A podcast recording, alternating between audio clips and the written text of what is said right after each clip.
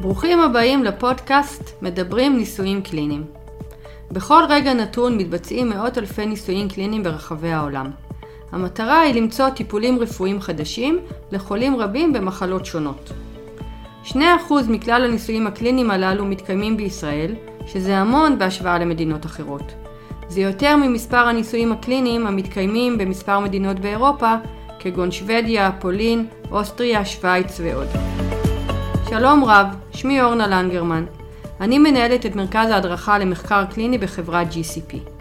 לצד פעילות ההדרכה של החברה, ב-GCP אנחנו גם מתכננים ומנהלים ניסויים קליניים של חברות בינלאומיות וחברות ישראליות המפתחות תרופות או מכשור רפואי. בסדרת הפודקאסטים שלנו נארח אנשי מקצוע שונים המעורבים בתכנון, ניהול, ביצוע ופיקוח על ניסויים קליניים. נשוחח, נשתף ונחלוק ידע על החדשנות והעתיד בתחום.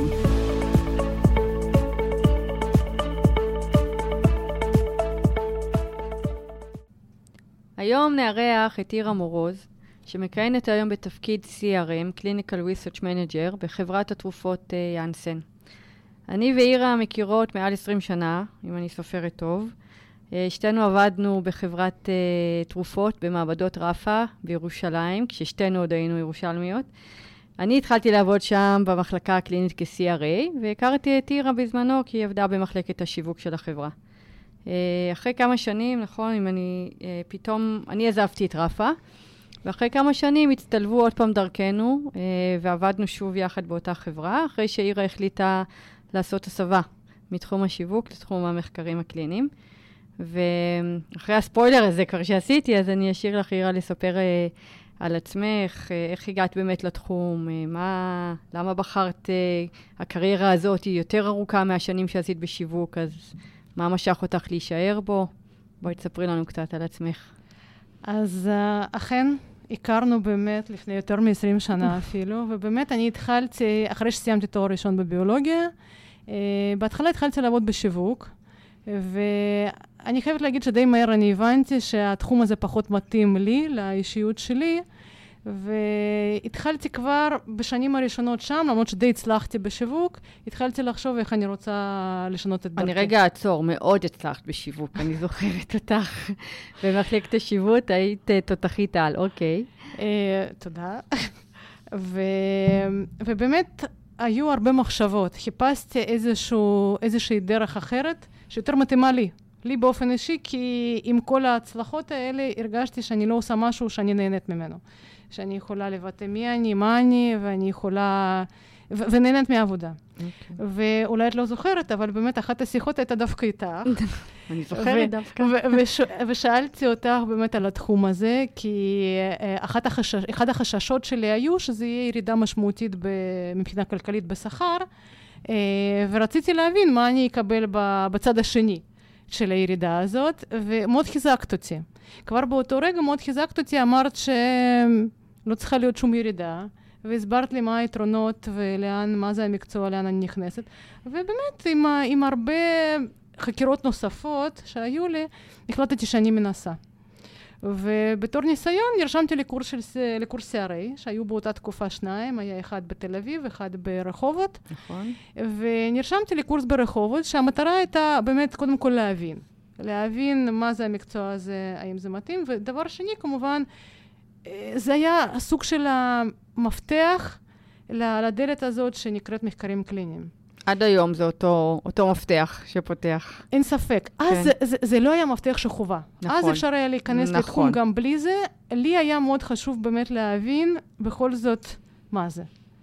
ובאמת, די מהרגעים הראשונים אני התאהבתי בזה, והבנתי שזה באמת זה משהו שזאת אני. ואני כן יכולה להשתלב, כמובן עוד לא יכולתי להבין בתור מי, בתור מה, מה, מה האפשרויות, אבל זה כן, כבר בקורס אני הבנתי שזה כנראה התחום שהוא, שהוא בשבילי. ובסיום הקורס התחלתי לחפש עבודה. שאז הביקוש זה לא כמו היום, אה, היה הרבה יותר נמוך, היה הרבה יותר קשה למצוא איזשהו מקום. בלי ניסיון זה כמעט היה בלתי אפשרי למצוא מקום בתור CRA. נכון. אה, ואופציות שהיו קיימות זה study coordinator או CTA. אה, כזה סוג של עוזר אדמיניסטרטיבי בחברות CRO או בחברות פארמה. אני חושבת שהתמזל מזלי שהתחלתי בתור סטאדי קורדינטור. כי זה לא שהיה לי... אני גם חושבת. זה לא שהיה לי בראש הבנה, שהיום יש לי כמובן את כל התובנות האלה, שזה נכון במיוחד למישהו שהוא לא בא מקליניקה, כלומר לא אחות, רופא, או מישהו שעבד במסגרת של בית החולים, מישהו שלמד כזה תואר מדעי כמו ביולוגיה, אה, זה הרבה יותר נכון. אה, כי לומדים את הקליניקה, לומדים את המקצוע, לומדים את ה setup הזה שנקרא בית החולים, תיק רפואי, כל האינטראקציות שיש. נכון, זה נורא חשוב, וזה חשוב גם, גם לתפקידים שאתה עושה אחר כך בהמשך. לגמרי, לגמרי. לגמרי. זה בסיס שהוא הכרחי בעיניי. ו... וגם בהמשך ראיתי אנשים, כמובן שיש אנשים חכמים וכל אחד יכול להדביק את הפערים ולהשלים אותם ב... אה, בעבודה כזו או אחרת, אבל אני חושבת שכבסיס, זה בסיס מאוד מאוד uh, משמעותי להמשך הדרך במחקרים הקליניים. אז איפה, איפה עבדת כמתאמת? באיזה מחלקה? איזה תחומים תרפויטיים? תספרי לנו קצת... Uh... אז uh, התקבלתי לעבודה באיכילוב, בית חולים איכילוב, uh, ביחידה למחלות זיהומיות, שרוב המחקרים שלי היו דווקא ב-HIV, חולים עם איידס, mm-hmm. שזאת הייתה חוויה באמת מדהימה. Uh, זה גם להכיר את הסוג האוכלוסייה שאין לך הזדמנות אחרת להכיר אותו בכלל. ו, וגם החולים האלה, בסך הכל, מעבר ל-HIV, היו להם כל מיני מחלות אחרות וכל מיני בעיות אחרות, כי המחלה עצמה הייתה בסיס ל... להתפתחות של, להתפתחות של הרבה מחלות אחרות, ו, וזה באמת נתן לי להכיר, כאילו ללמוד מבחינה קלינית. התובנות והידע שאני צברתי בשנה וחצי שהייתי מתאמת מחקר, זה הידע העצום ש, שאני לא יכולה לדמיין אותו, איך אני יכולתי לצבור אותו באיזושהי דרך אחרת. וביחידה למחלות זיהומיות כמובן היו גם מחקרים אחרים. כלומר, היו מחקרים בזיהומים שנרכשים בבית חולים, שזה זיהומים מאוד מאוד קשים, ושוב, החולים היו מאושפזים בכל הבית חולים. ואת היית מתרוצצת.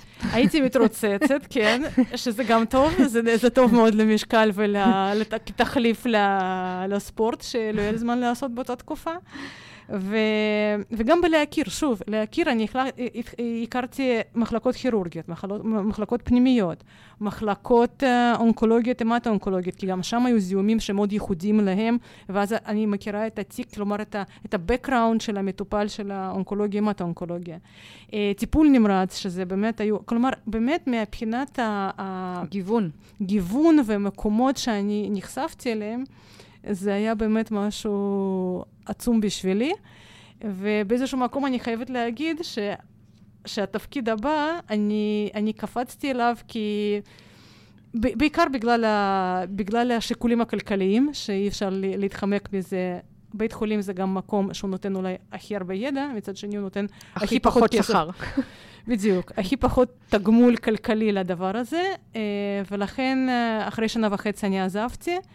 אני עד היום יכולה להגיד שלא מציתי את זה. כלומר, עד היום יש לי באיזשהו מקום געגועים לעבודה זה מדהים, את יודעת מה שאת אומרת, בגלל שאת, שאת לא הבן אדם, לא הראשון ולא השני ולא השלישי, שאני מכירה, אני המון שנים בתחום, ואני מכירה המון אנשים שעברו את התהליך הזה, שהיו מתאמי מחקר והתקדמו הלאה. כן, כי לפעמים באמת התגמול הכלכלי, אין מה לעשות, הוא, הוא פקטור שאי אפשר uh, להתעלם ממנו, אבל הן כולם אומרות לי. אני מתגעגעת ליומים שהייתי מתאמת, שאין לזה, אה, לזה תחליף. מדהים. אגב, גם אני, כי אני, אני הרי רוקחת במקצוע, ואני לא התחלתי את החיים שלי במצויים קליניים, אני עבדתי בבית מרקחת, וגם אני די מהר מיציתי והבנתי שזה לא מה שאני רוצה לעשות בחיים, והיה לי אותם חששות, אגב, של לעבור גם לחברת תרופות ולתפקיד הקליני, כי מבחינתי זו הייתה ירידה בשכר, זו הייתה אפילו ירידה משמעותית בשכר. אבל אני לא רציתי להתפשט, זאת אומרת, אז עוד הייתי צעירה, עוד אה, אה, רק באמת הקמתי משפחה, היה לי כבר אה, ילדה, כן, אבל אה, אחר כך היו, כבר הצטרפו, אבל אמרתי, אני לא אשאר בתפקיד הזה רק בגלל התגמול הכלכלי. ולימים זה, זה מדביקים את הפער, מדביקים את הפער. זה, זה תחום, התחום של, פה, של הניסויים הקליניים, נכון, אתה מתחיל כמתאם מחקר. עם uh, שכר לא מאוד גבוה, אבל עם הרבה מאוד יתרונות אחרים, ותגמול וסיפוק ועניין, כאילו שהם מטורפים. ואחר כך אתה, אם אתה טוב, וכמו בכל דבר, כשאתה טוב, משמעית. אתה מתקדם, ואז אתה גם משלים את הפער ב... חד משמעית, אני בשכר. מסכימה איתך, זה, זה, זה ממש ככה, זה, זה כולם גם עוברים את זה, ובאיזשהו מקום תמיד אני אומרת, תסתכלו על זה כמלגה. מלגת לימודים. זה משהו שלפעמים באמת צריך גם לרדת לצורך העלייה, וגם, וגם באמת, זה, זה משהו שהוא די מובטח. אבל גם את יודעת, אני חושבת היום, אני רואה בשנים האחרונות, קודם כל בשנה האחרונה, הדרישה למתאמות מחקר, אני, אני לא זוכרת, אני באמת המון שנים בתחום הזה, אני לא זוכרת שנה כזאת שהיה כזה ביקוש מטורף למתאמי מחקר, ויש מקומות שכבר מבינים את הצורך אה, שאי אפשר לתפקד ואי אפשר לעשות מחקרים קליניים, בוודאי מחקרים מורכבים, או מחלקה או מכון שרוצים לעשות אה, הרבה מחקרים, הם לא יכולים בלי הפונקציה הזאת שנקראת מתאמי אה, מחקר, ומתחילים כבר להציע משכורות אפילו יותר יפות ממה שאנחנו היינו רגילים לפני אה, ועדיין 15 הפערים הם. גדולים. לפחות לפי כן. מה שאני יודעת, וזאת הבעיה העיקרית, ואני חושבת שמסתכלים במבט לעתיד, מישהו פה חייב להתעורר, כי זו פונקציה מאוד חשובה. מה שקורה בפועל, בגלל הפערים הענקיים האלה, והם פערים הולכים וגדלים, בתפקיד. כי זה נכון, המשכורות טיפה עלו, אני מסכימה, אבל עדיין הפערים הם גדולים, והם רק הולכים וגדלים. הן לא נשארות. כן. ואז נוצר המצב שהמתאמות הן כל הזמן אה, חסרות ניסיון, הן לא בדיוק יכולות לעשות ולתת את, ה, את העבודה בצורה אופטימלית כמו שאנחנו רוצים.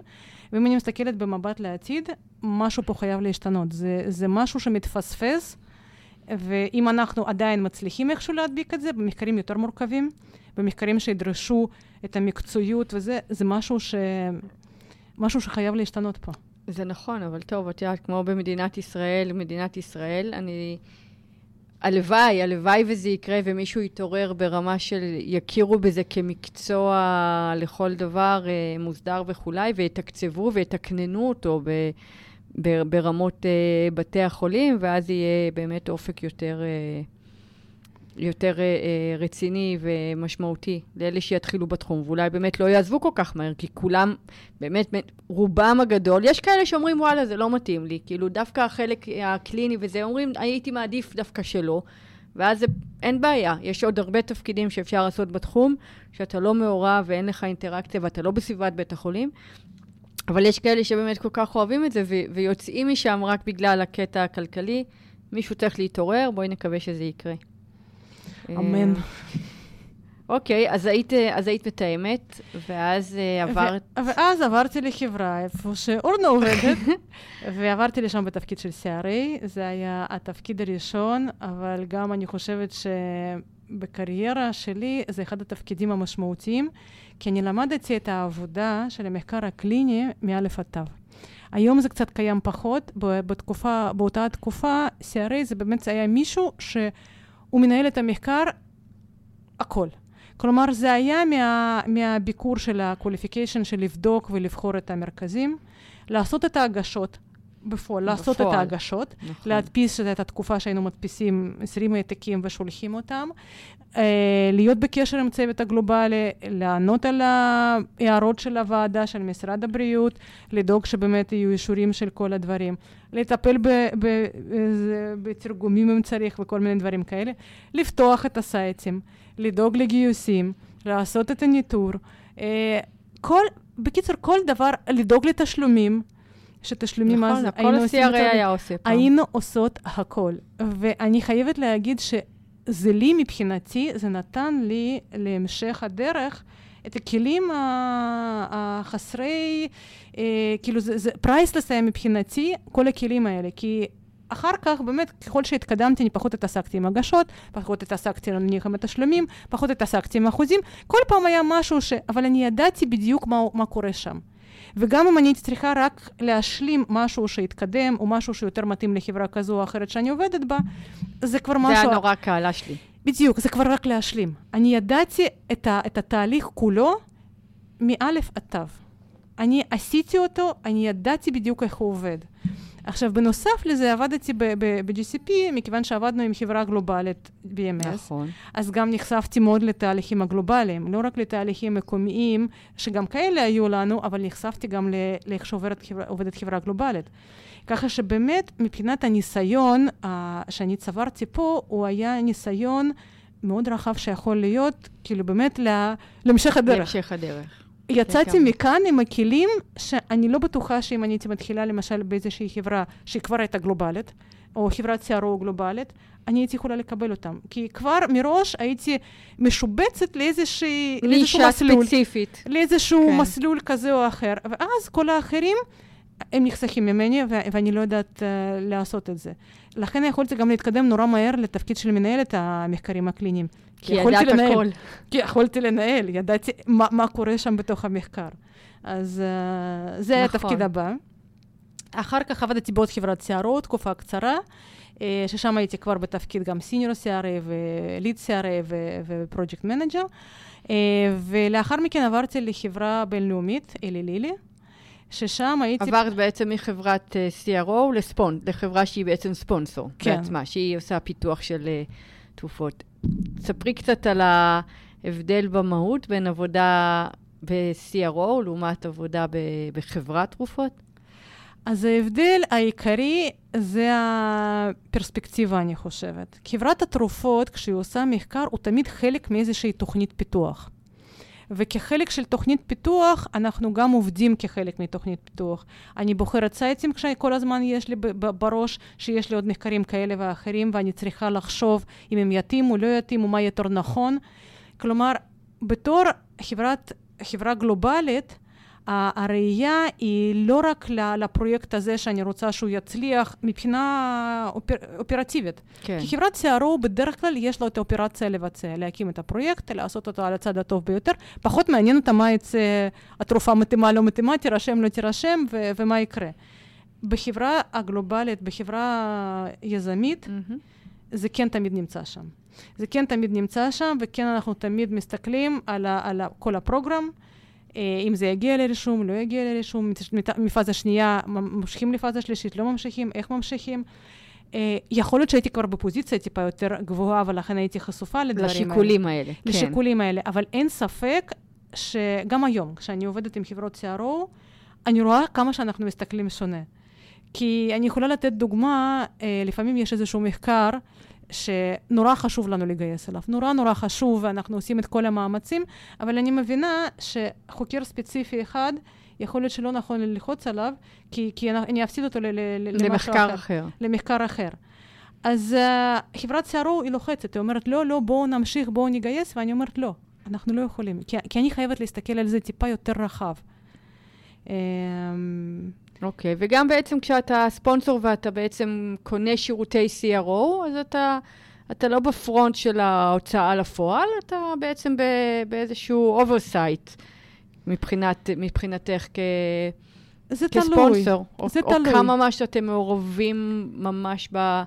אה, ממש בפעולות היומיומיות של ניהול המחקר, הניטור שלו, אתם אז. אני יכולה להגיד לך שלמשל ב Eli Lilly זה נכון, מה שאת אומרת זה היה מאוד נכון, כי מי שעשה את הניטור זה הייתה חברת CRO שלקחו.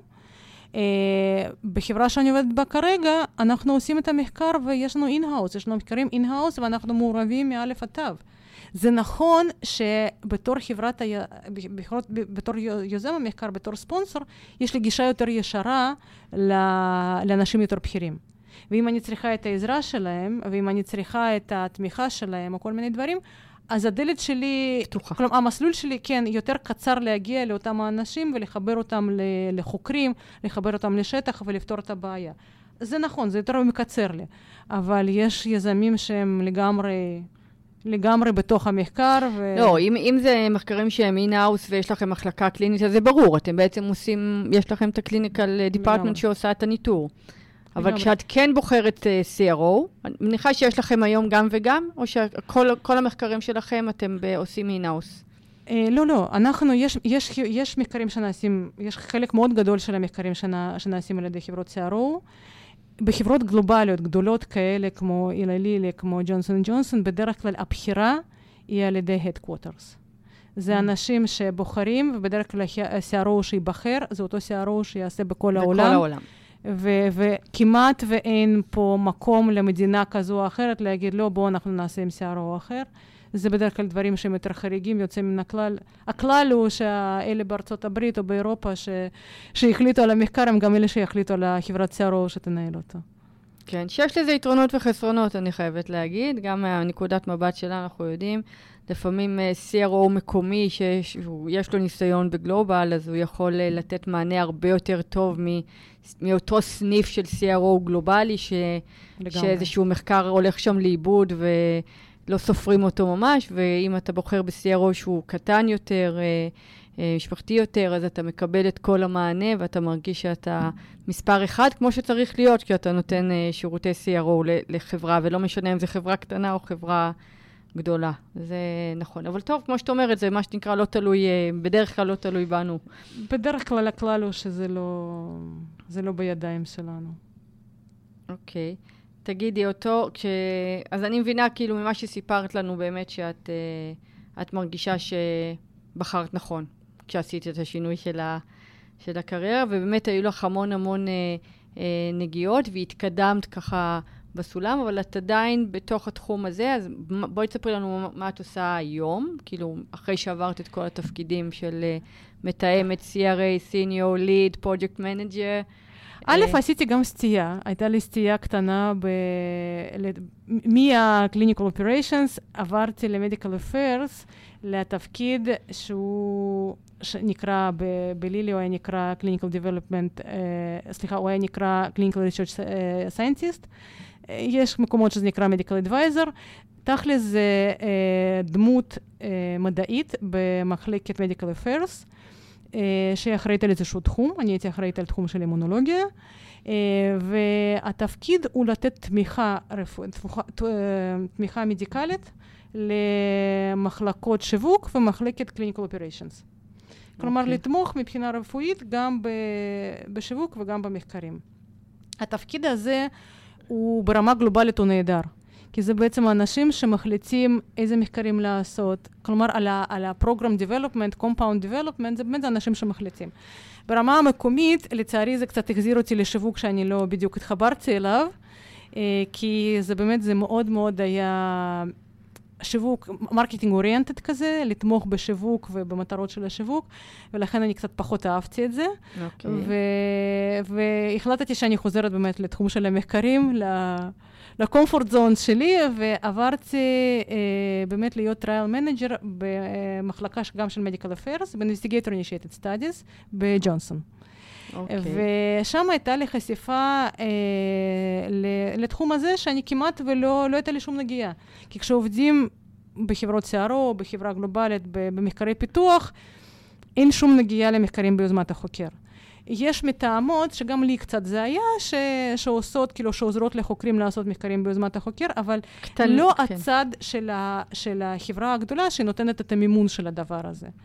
אה, שזה ו... נתח לא קטן, זאת אומרת, בכל חברה בעצם שמכבדת את עצמה, בואו נגדיר את זה ככה, יש להם תקציבים בעצם, שנכון? כאלה שבעצם אה, מתוקצבים למחקרים כאלה של uh, Investigator Initiated Sponsor Studies. אז אני רוצה להגיד לך, זה הולך ומתפתח. לצערי, התקציבים זה גם הייתה אחת הסיבות שאני קצת השתעממתי שם והחלטתי שאני בכל זאת צריכה ללכת למחקרי פיתוח בחזרה. כי לא היה הרבה כי כסף. כי התקציבים, בדיוק, התקציבים שיש בארץ הם תקציבים קטנים, גם, שגם פה יש מגמות. רואים שיש המגמה, המגמה היום לתת יותר תקציבים ולעשות יותר מחקרים גם כאלה, מחקרי שיווק מה שנקרא.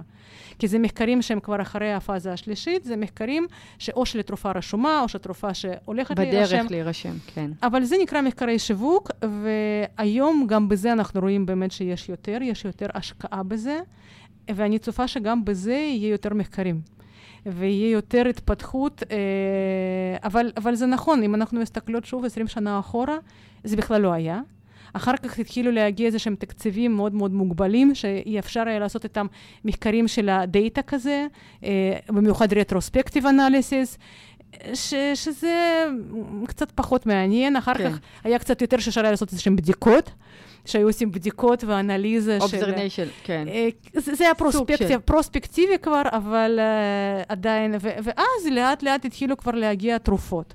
שיש מחקר עם התרופה שצריך להקים אותו בארץ, זה כבר משהו שבאמת קצת יותר בשר, אמ, אבל זה ואז נכון. ואז היית מעורבת, נגיד, במחקרים האלה, שזה בדרך כלל, שוב, אני יצא לי באמת מעט מאוד, כי בזמנו לא היו הרבה, אבל הייתי מעורבת באיזה מחקר או שניים של Investigator Initiated. אמ, ואני זוכרת שהחוקרים היו באים כאילו ופונים לקבל uh, תקציב, והיו מביאים לנו איזה פרוטוקול uh, דרדלה כזה של שלושה עמודים, אומרים, הנה, זה הפרוטוקול, וזה מה שאנחנו רוצים לעשות. גם גם מה שאני ואנחנו היינו ראיתי. מתפרק... יושבים שם ככה עם... Uh, uh, לא יודעים כאילו איך להגיד את זה, שעם כל הכבוד, זה אולי ה... Uh, זה אפילו לא הסינופסיס, זה כאילו איזשהו background למה שאתה רוצה לעשות, ומצאנו את עצמנו יושבים ובעצם עוזרים להם לכתוב את הפרוטוקול. אז כמה היית מעורבת נגיד בדברים כאלה? אז פה... אה, זה שוב, זה תלוי. א', זה נכון, זה גם היום. זה, זה, לא, זה לא יותר מדי התקדם לצערי הרב, גם היום.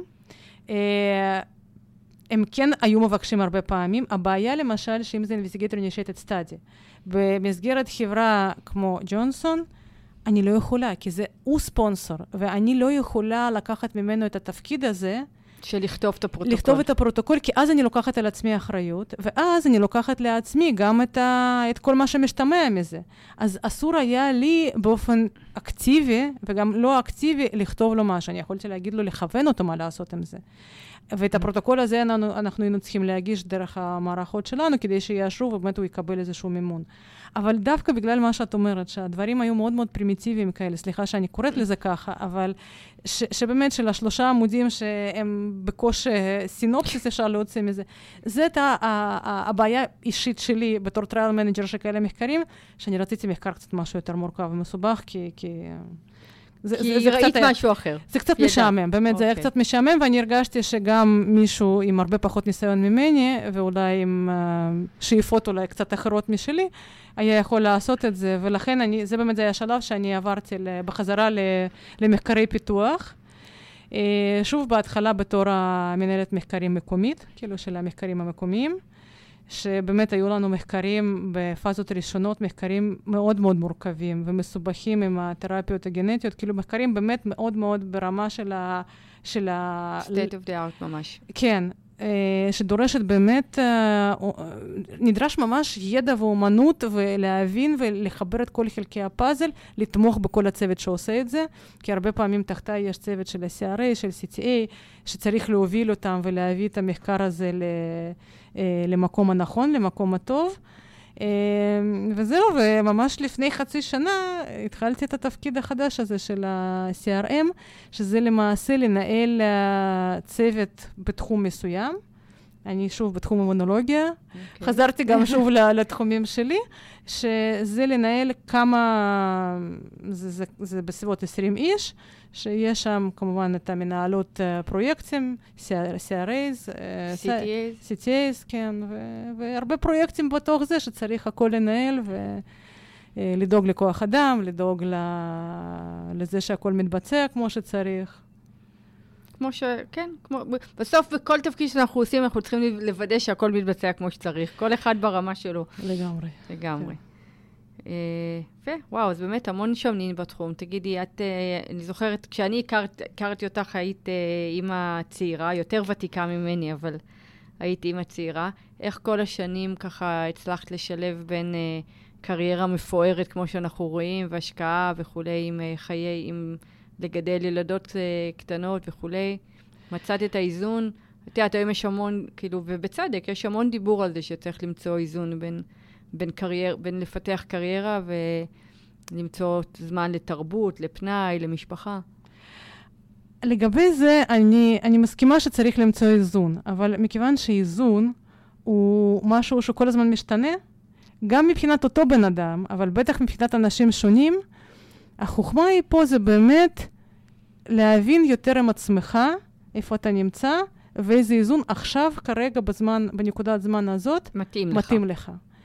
אין כלל שהוא מתאים לכולם, אין פה איזשהו משהו שאני יכולה להגיד שזה כלל כזה קסם, שאם אנחנו נניח, אה, נגיד ש, שאני אחרי העבודה אני חוזרת ואני לא מתחברת למחשב, אז זה עושה אותי מאושרת, או, או משהו, או שההפך, שאני כל הזמן מחוברת ו, וזה עושה אותי יותר רגועה, כי אני שולטת בעניינים.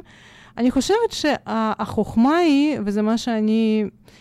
הייתי, כאילו, גם מה שאני אומרת לאנשים שאני עובדת איתם, לבנות שרק מתחילות, זה באמת למצוא את, ה, את הבלנס הנכון בשבילה. וגם בנקודת זמן הנכונה. כי לפעמים, עכשיו הילדים מאוד קטנים, את צריכה להיות איתם, אין לך איזושהי עזרה, אז באמת, אולי זה הזמן ללכת למקום שהוא פחות תובעני. לתפקיד שהוא פחות תובעני, שאת יכולה להרשות לעצמך גם לחזור יותר מוקדם הביתה, אה, לא יודעת אם צריך לפתוח מחשב יותר מאוחר, לפתוח כשהם הולכים לישון, למצוא את, ה, את, ה, את האיזון הנכון בשבילך. וזה מה, זה, ואם עכשיו, בנקודת זמן הזאת, זה מאפשר לך שאת יכולה לעשות משהו יותר נועז, עם יותר שעות, לנסוע יותר רחוק, קחי את זה, תנסי את זה. ו- וגם זה מה שאני חושבת שגם היה מבחינתי, זה משהו שאני, גם כן אני באיזשהו מקום, הקריירה הובילה אותי, זה נכון, אבל גם אני הובלתי פה. כלומר, אני ידעתי ברור, איפה... ברור, זה סוג של טנגו, כאילו, אתה לא... בדיוק, וזה, יש בן זוג, יש הורים, יש סיטואציות משתנות בחיים, חיים פה, עוברים למקום אחר. הדברים הם משתנים, אבל כל הזמן אני חושבת שפשוט צריך להתאים את הסיטואציה שלך לרצונות שלך, ו- ולמצוא את, ה- את השביל הנכון בשביל כל אחת. לגמרי. תגידי, אז עכשיו את בתור בוגרת ביולוגיה, אני ככה מזכירה רק למאזינים ש, שככה את התחלת. מה היית היום, אה, את חושבת, אה, איזה, מה חשוב לך אה, להגיד, או איזה טיפים את היית רוצה לתת לאנשים שמתלבטים, חושבים להיכנס לתחום הזה, לא להיכנס לתחום הזה, כאנש, כמי שלומד, כן, בתארים באוניברסיטה שרלוונטיים לתחום. שוב, כל אחד, אין, אין משהו, שכל אחד זה, זה, זה מה שמעניין אותו. אני באופן אישי הבנתי במהלך הלימודים שאני פחות מתחברת למשל לקטע של המעבדה. וזה אני הבנתי די מהר, לכן אני ממש אמרתי לעצמי, זה לא הולך לקרות, אני במעבדה... לא זה, יהיה. זה לא, זה לא אני, כמו שאת אומרת בבית מרקחת, זה לא את. אז זה משהו שאני הבנתי, ולכן חיפשתי משהו שזה יותר עבודה עם אנשים, כי אני, אני ידעתי שזה משהו שאני יותר אוהבת אותו, יותר רוצה. אם זה הכיוון, אז אני חושבת שזה תחום שהוא מרתק, כי הוא נותן המון אפשרויות. כלומר, אתה נכנס לשם באיזשהו מקום, אתה יכול למצוא לעצמך אחר כך כיוונים שונים. אתה יכול באמת להישאר בבית חולים, אתה יכול ללכת לחברות, אתה יכול ללכת לחברות כאלה, לחברות אחרות.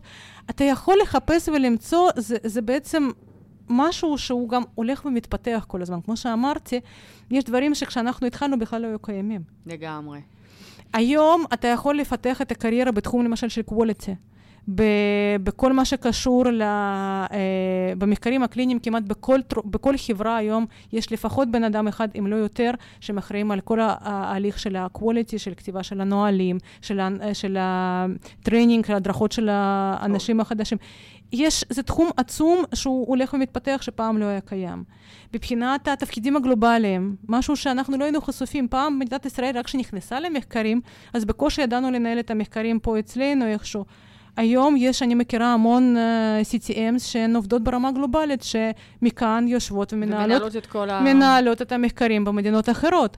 Uh, זה גם תחומים שלא היו קיימים, ואני בטוחה שזה גם ילך ויתפתח, ויהיה יותר ויותר, וכל אחד יוכל למצוא לעצמו את אותה נישה, אותו מקום שהוא יותר מתאים לו. לגמרי. תגידי, איך את, uh, בתור, אנחנו שתי שואלות ותיקות בתחום, כל הטכנולוגיה, שהכלים הטכנולוגיים שהשתנו במהלך השנים, אה, איך אה, את רואה את זה, כ... את, את מוצאת שזה מייעל את העבודה, זה הופך אותה באמת להיות משהו אחר לגמרי, כל הנושא הזה של אה, ניטור, remote monitoring, כל הכלים האלקטרוניים, אני לא יודעת אם אצלכם אפילו בחברה משתמשים או מחתימים חולים על informed consent, אה, כל, כל הטכנולוגיה הזאת ש, שנכנסה גם לתחום שלנו, במיוחד כמובן בשנתיים האחרונות, שה-COVID-19 הכריח את כל העולם הזה לעבור איזשהו מהפך.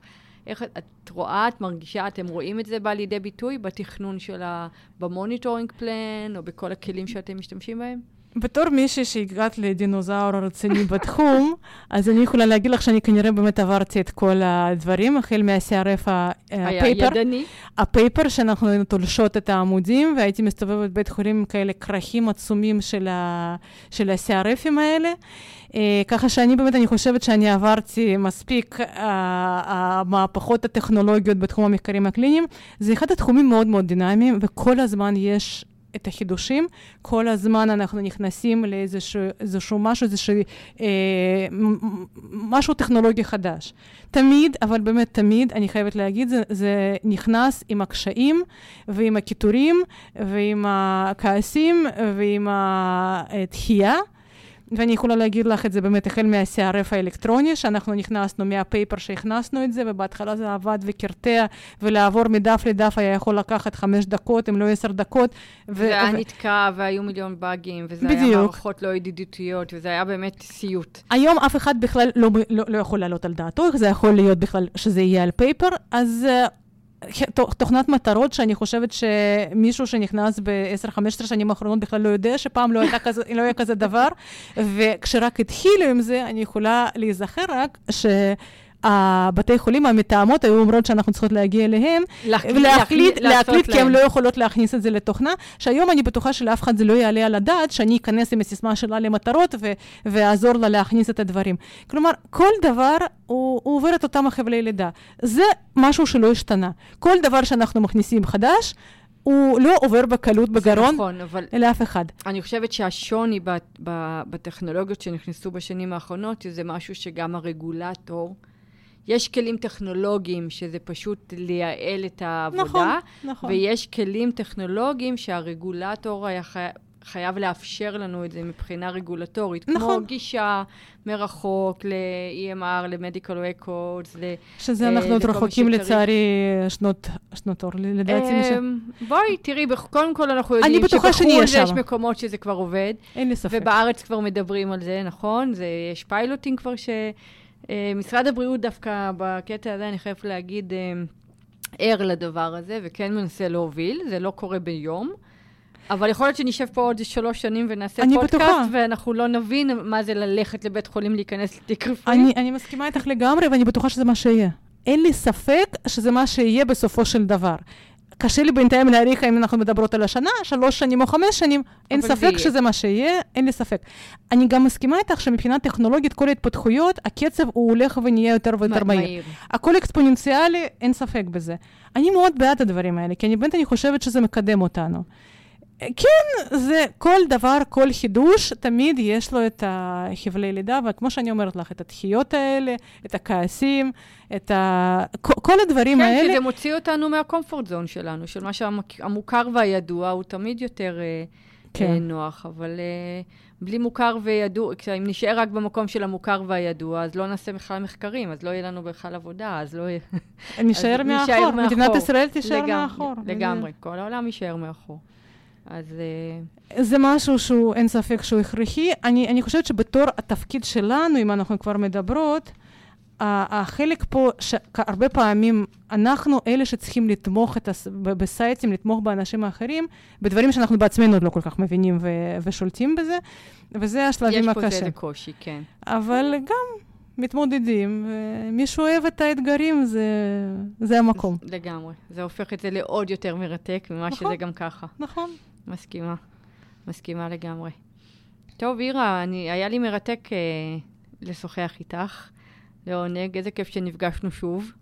אה, ותודה לך, תודה שהקדשת מזמנך, ושיהיה בהצלחה בתפקיד שהוא כבר לא כל כך חדש, ושתמשיכי לעשות חיל אה, בתחום, כמו שאת יודעת. תודה שהזמנת, גם לי היה נורא כיף, אה, זה כזה חזרה קצת לשורשים. היה נורא כיף, ושיהיה בהצלחה לכולנו. אמן. תודה.